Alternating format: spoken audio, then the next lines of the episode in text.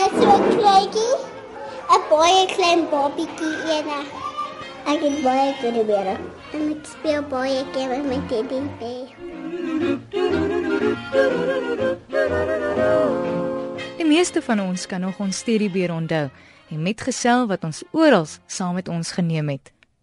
Dit is asof die mens kan vereenselwig met die beer. Hy kan staan op sy agterpote, gee drukkies en is baie beskermend teenoor sy kroos. Die beer is ook al die nar van die woud gedoop vir sy lawwe dansies en soms speelse geaardheid. Die mense verhouding met beere gaan so ver terug as die middeleeue, toe Bruin die beer 'n gewilde karakter in volksverhale was. In Rusland het die beer geleidelik ontwikkel in die karakter Misha.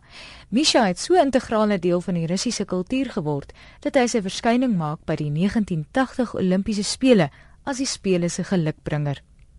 Maar elke beer kry tog sy eie unieke naam as dit 'n klein ding se kosbaarste besitting word. Die een se naam is Vader, Liefie en die kleintjie se naam is die kleine. His name is uh, Opie. My teddy bear is naam is Teddy. My one teddy bear, his name is Cozy and my other one is Play. Beneath the trees where nobody sees, they'll hide and seek as long as they please, cause that's the way the teddy bears have their picnic. Waar kom die idee van 'n sagte beer as speelding vandaan? Die teddybeer het sy oorsprong in twee afsonderlike gedeeltes van die wêreld.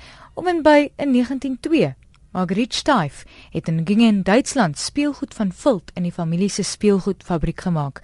Haar neef, Richard Stief, het voorgestel dat sy 'n beer maak gebaseer op sketse wat hy geteken het tydens sy besoek aan die Stuttgart dieretuin. Margriet besluit om die beer minder vreesaanjaend te laat voorkom en besluit om vir die beer sy kenmerkende parmantige snipneus te gee. Sy sny 'n patroon uit bruin seibokhaar en skep 'n beer wat sy kop, arms en bene kan beweeg. Sy stop die beer met houtsaagsels, gee knopies oë en 'n geborduurde neus en so word die beer die toonbeeld van vriendelikheid self. Margriet se neef Richard stel die beer ten toon by 'n speelgoedskou en die fraai gedierte trek dadelik die aandag van 'n Amerikaanse speelgoedaankoper. Hy bestel dadelik 3000 beere. Sy tydsberekening kon nie beter wees nie. In dieselfde tyd begin president Theodore Teddy Roosevelt al hoe meer bekendheid verwerf as kampvegter vir die natuur en natuurlewe in Amerika. Tydens een van sy diplomatieke sendinge om 'n dispuut tussen Louisiana en Mississippi oor grenslyne op te klaar, gaan jag hy vir die bekende bruin beer wat in die omgewing voorkom. Maar die beer was nêrens te sien nie. Sy gasheer wou hom nie teleurstel nie en bied toe 'n gevange welpie aan vir Theodore om te skiet, maar die president kon dit nie oor sy hart kry nie en weier om iets te skiet wat nie regverdig gejag is nie. Die politieke strokiesprent kunstenaar Clifford Berryman teken 'n skets van die bebrilde president met 'n donsige, vriendelike beergesiggie aan sy sy. Die skets verskyn in koerante op 16 November 1902. Morris Mitchum sien die skets raak.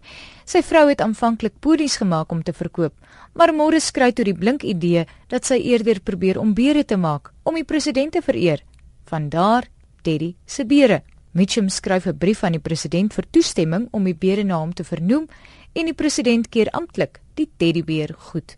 Die res soos hulle sê, is geskiedenis. En vandag steeds bly die teddybeer 'n geliefde speelding en word daar nog gereeld piknik met teddybeere gehou. For every bear that ever there was will gather there for certain because today's the day the teddy bears have their picnic. Ek ry op toe my fiets en ek hou 'n piknik saam met ek speel met my teddy's voetjies voetjies.